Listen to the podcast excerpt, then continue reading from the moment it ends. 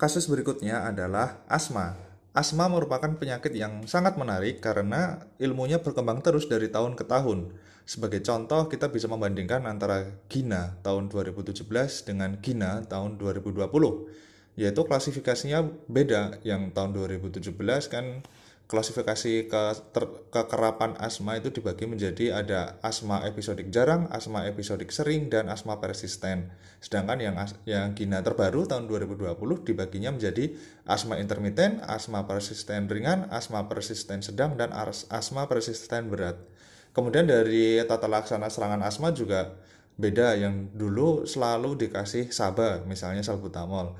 Tetapi mulai ke sini mulai ta dua, tahun 2020 uh, mulai dipertimbangkan pakai inhalasi kortikosteroid dan laba untuk untuk reliever asma. Meskipun pada anak-anak kurang dari 12 tahun tetap salbutamol, saba itu menjadi pilihan pertama. Kemudian tahun ini juga ada diperbarui karena ada kasus COVID. Apakah itu akan mem memperberat asma, apakah mempengaruhi terapi asma jelas beda karena pada kondisi pandemi jika ini suspek COVID atau confirm COVID maka ditunda untuk melakukan spirometri dan nebulisasi. Yang disarankan malah pakai inhaler MDI seperti itu bedanya.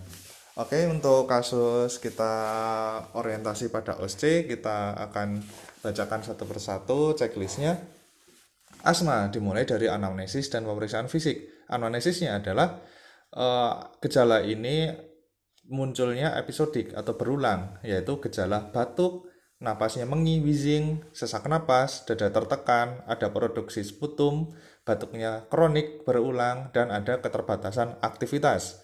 Gejala-gejala ini timbul bila ada faktor pencetus. Faktor pencetusnya ada empat golongan, yaitu iritan, alergen, infeksi, dan aktivitas. Iritan contohnya adalah rokok, asap bakar sampah, obat nyamuk, suhu dingin, udara yang kering, dan makanan minuman yang dingin. Kemudian bisa juga ada pengawet, penyedap, dan pewarna makanan. Dari golongan alergen bisa juga eh, penyebab asmanya adalah karena debu, tungau, rontokan hewan, serbuk sari, kecoa, kalau dari infeksi bisa juga ada pilek, selesma, common cold, rhinopharincitis. Kemudian dari aktivitas bisa juga dipicu karena anaknya lari-lari, berteriak, menangis, bahkan tertawa berlebihan. Kemudian dari anamnesis kita bisa dapatkan juga ada riwayat alergi pada pasien dan keluarga. Selain itu kita bisa temukan adanya variabilitas dan reversibilitas. Variabilitas maksudnya intensitas serangan asmanya, gejala asmanya itu bervariasi biasanya lebih berat pada malam hari atau nokturnal. Sedangkan reversibilitas gejala ini bisa membaik dengan spontan atau dengan obat pereda asma. Dari anamnesis kita juga harus tanyakan obat yang dipakai saat ini. Apakah anak sudah pernah pakai obat asma sebelumnya? Ini penting karena ini akan mempengaruhi tata laksana terapi kita di, di kasus kali ini. Jika sebelumnya sudah menggunakan steroid, ya berarti kita harus menggunakan steroid juga pada kali ini seperti itu. Pada pemeriksaan fisik tentu saja yang penting kita melakukan tanda vital, mengukur oximetri dan derajat kesadaran. Pada auskultasi kita bisa bisa mendengarkan wheezing, kemudian kita juga bisa melihat adanya retraksi dinding dada jika serangan asmanya berat kita bisa juga menilai kemampuan pasien untuk bicara satu kalimat apakah lengkap apa kata demi kata terpenggal-penggal. Kemudian kita kita harus menilai juga adanya tanda infeksi ISPA, tanda pneumonia atau bisa juga tanda adanya korpal. Siapa tahu penyebab menginya bukan karena asma tapi karena adanya korpal. Selain itu, kita bisa juga memeriksa adanya tanda alergi, yaitu kita mengecek adanya dermatitis atopi, rinitis alergi, allergic sinner, dan geographic tongue. Itu anamnesis dan pemeriksaan fisik, kemudian kita melakukan pemeriksaan penunjang. Pemeriksaan penunjang yang penting adalah spirometri. Kita bisa melihat nilai fungsi paru, yaitu PEF dan FEV1. Kemudian kita juga harus memeriksa fototoraks. Jika asmanya berat, kita bisa mengukur juga analisis gas darah. Selain itu, pemeriksaan penunjang lain yang yang menunjang apalagi yang asmanya berat yaitu tes eosinofil dan IgE spesifik. Itu pemeriksaan penunjangnya. Dari pemeriksaan penunjang dan anamnesis pemeriksaan fisik kita bisa mendiagnosis asma. Asma kita bisa golongkan dari, dari beberapa hal. Kalau kalau anaknya lagi serangan asma, kita bisa mengelompokkan serangan asma menjadi tiga. Ini berbeda dengan klasifikasi gina sebelumnya yang uh, dibagi menjadi empat ya ada serangan ringan, serangan sedang, serangan berat, dan ancaman henti nafas. Kalau yang klasifikasi terbaru ringan dan sedang digabung. Jadi hanya ada tiga, serangan ringan sedang, asma serangan berat, dan ancaman henti nafas. Asma serangan ringan sedang ditandai dengan anak dapat masih bisa bicara dengan kalimat, dia posisinya duduk, tidak gelisah, heart rate dan respiration rate naik, retraksinya minimal, SPO2-nya 90 hingga 95%, PEF-nya lebih dari 50%. Sedangkan pada serangan berat, bicaranya kata per kata, duduknya bertopang, menggunakan otot aksesori, dia anaknya gelisah, heart rate dan respiration rate-nya meningkat, retraksi terlihat jelas, SPO2-nya di bawah 90%, dan nilai PEF-nya di bawah 50%. Kemudian jika golongannya ancaman henti nafas, maka anak terlihat mengantuk, letargi, bahkan suara nafas tidak terdengar. Itu klasifikasi dari serangan. Kemudian kita juga bisa mengklasifikasikan dari kekerapan asma kambuhnya, yaitu ada asma intermiten, asma persisten ringan, persisten sedang, dan persisten berat. Asma intermiten adalah jika kambuh kurang dari enam kali per tahun dan jaraknya lebih dari enam kali per minggu. Eh, maksudnya jaraknya lebih dari enam minggu kambuhnya. Nilai PEF atau FEV1-nya lebih dari 80% dan variabilitasnya lebih dari 15%. Sedangkan asma persisten ringan, kambuhnya lebih dari satu kali per bulan dengan jarak kurang dari satu minggu. Nilai PEF atau FEV1-nya 60 hingga 80% dengan variabilitasnya lebih dari 30%. Asma persisten sedang, kambuhnya lebih dari satu kali per minggu, namun tidak setiap hari. Nilai PEF atau FEV1-nya kurang dari 60%, variabilitasnya lebih dari 50%. Sedangkan asma persisten berat kambuhnya hampir setiap hari. Nilai PEF atau FEV1-nya kurang dari 60% dengan variabilitasnya lebih dari 50%. Bingung kan klasifikasinya? Untuk mempermudah gini aja. Misalnya kambuhnya setiap bulan atau enggak. Kalau tidak setiap bulan kambuh, kita bisa golongkan itu intermiten. Jika setiap bulan kambuh, maka persisten. Jika hanya setiap bulan saja, tapi tidak setiap minggu, ya persisten ringan. Kalau setiap minggu, maka persisten sedang. Jika hampir setiap hari, maka persisten berat. Gampangannya seperti itu. Kita mengukur dari kekambuhannya. Kemudian selain melihat dari derajat serangan, klasifikasi kekerapannya, kita juga bisa melihat derajat kendalinya. Ini kalau anaknya sudah menerima terapi sudah agak lama ya kita bisa lihat ini terkendali atau tidak terkendali atau tidak kita bisa melihat poin-poin berikut yaitu apakah muncul gejala siang apakah aktivitasnya terbatas apakah muncul gejala malam dan apakah dia sering pakai e, obat reliever nah parameternya adalah jika ada satu gejala siangnya lebih dari dua kali per minggu ada aktivitas yang terbatas, ada muncul gejala malam, dan pakai obat reliever lebih dari dua kali per minggu. Jika dari empat poin ini ada tiga atau empat poin yang terpenuhi, maka kita bisa bilang ini tidak terkendali. Namun, jika ada hanya satu atau dua yang terpenuhi, maka ini disebut terkendali sebagian.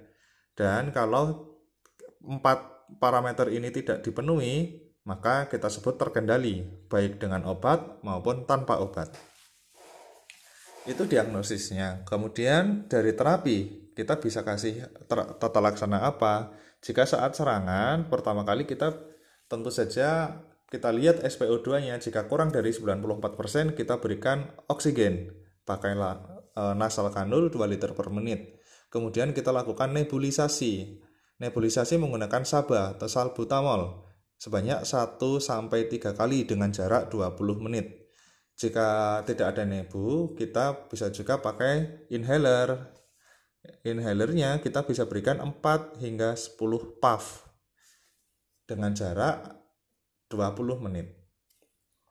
Jika tadi ya kita pakainya nebu, nebu pertama kita bisa pakai salbutamol ya. Salbutamol respul di nebulisasi. Jika tidak mempan kita bisa berikan lagi. Kalau tidak mempan yang ketiga kita bisa berikan uh, ipatropium bromide bersamaan dengan salbutamol selain itu kita juga berikan steroid oral yaitu misalnya metilprednisolon 1 mg per kilogram berat badan saat saat serangan. Kemudian jika serangannya serangan asmanya mereda, kita evaluasi satu jam ya. Ya sudah, anaknya bisa pulang. Nanti kita bawakan steroidnya itu kita bawakan pulang ke rumah. Kita berikan antara 3 hingga 5 hari. Jangan lebih karena akan menyebabkan efek samping dari steroid tersebut. Jadi metilprednisolon 1 mg per kilogram berat badan setiap 6 jam per oral 3 sampai 5 hari. Tentu saja kita juga bisa berikan uh, controller jika anaknya termasuk uh, asma yang persisten. Jika asmanya intermittent kita belum berikan controller. Untuk serangan, tadi selain menggunakan nebulisasi, MDI, dan steroid oral, kita juga bisa berikan terapi lain jika serangannya berat, misalnya aminofilin intravena. Bisa kita berikan bolus 6 hingga 8 mg per kilogram berat badan diencerkan ke dalam 20 cc, kemudian kita berikan dalam 30 menit menggunakan infus pump. Setelah itu dilakukan rumatan 1 mg per kilogram berat badan per jam. Ini pada kasus berat anak rawat inap ya. Jika tidak ada pengobatan lain dan ada ancaman gagal nafas, kita bisa berikan adrenalin 1 banding 1000 0,01 cc per kilogram disuntikan intramuskular. Dan tentu saja jika ada ancaman henti nafas, kita intubasi dan rawat ICU kita kita rawat ICU jika tekanan oksigennya kurang dari 60 mm raksa dan tekanan karbon dioksidanya lebih dari 45 mm raksa. Dan kita lakukan nebulisasi dengan sabar setiap 4 hingga 6 jam.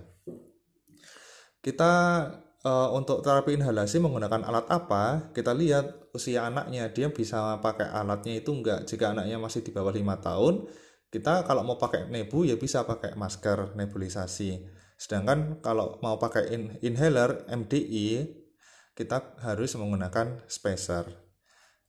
Kalau anak 5 sampai 8 tahun hampir sama ya nebu, dia bisa pakai mouthpiece, MDI-nya pakai spacer. Sedangkan untuk anak lebih dari 8 tahun, nebu mouthpiece, MDI-nya tanpa spacer bisa anaknya bisa diajari semprot langsung hisap.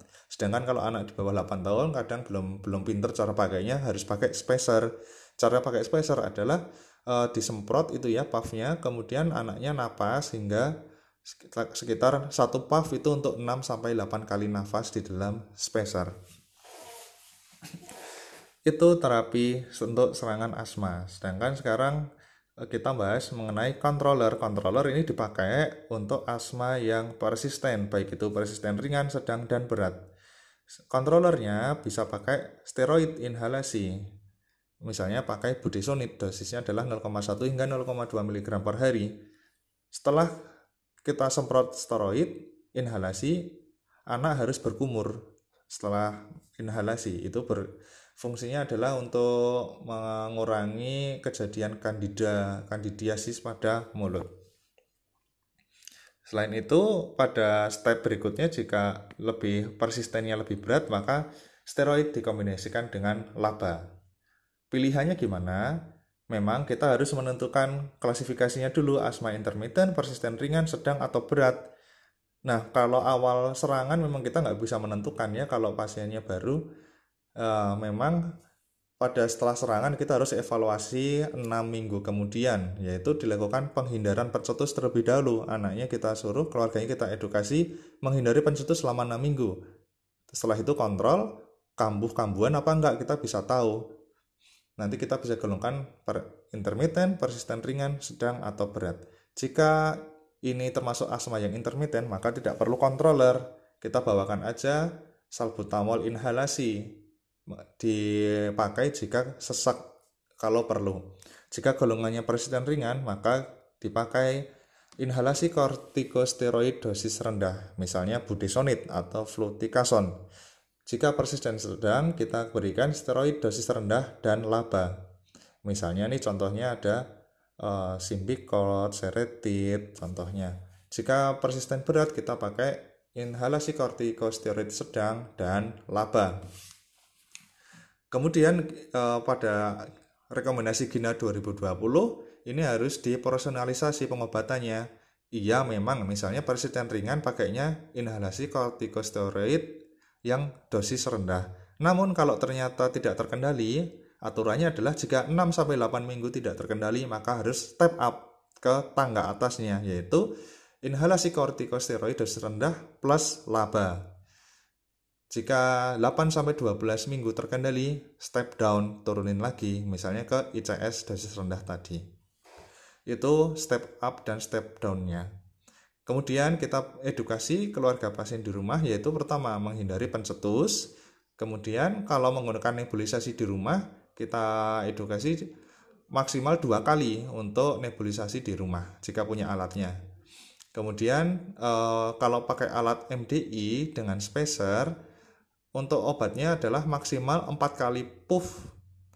Dengan satu kali puff, anak bisa e, menghabiskan satu puffnya itu dalam 6 sampai 8 nafas ya, pakai spacer.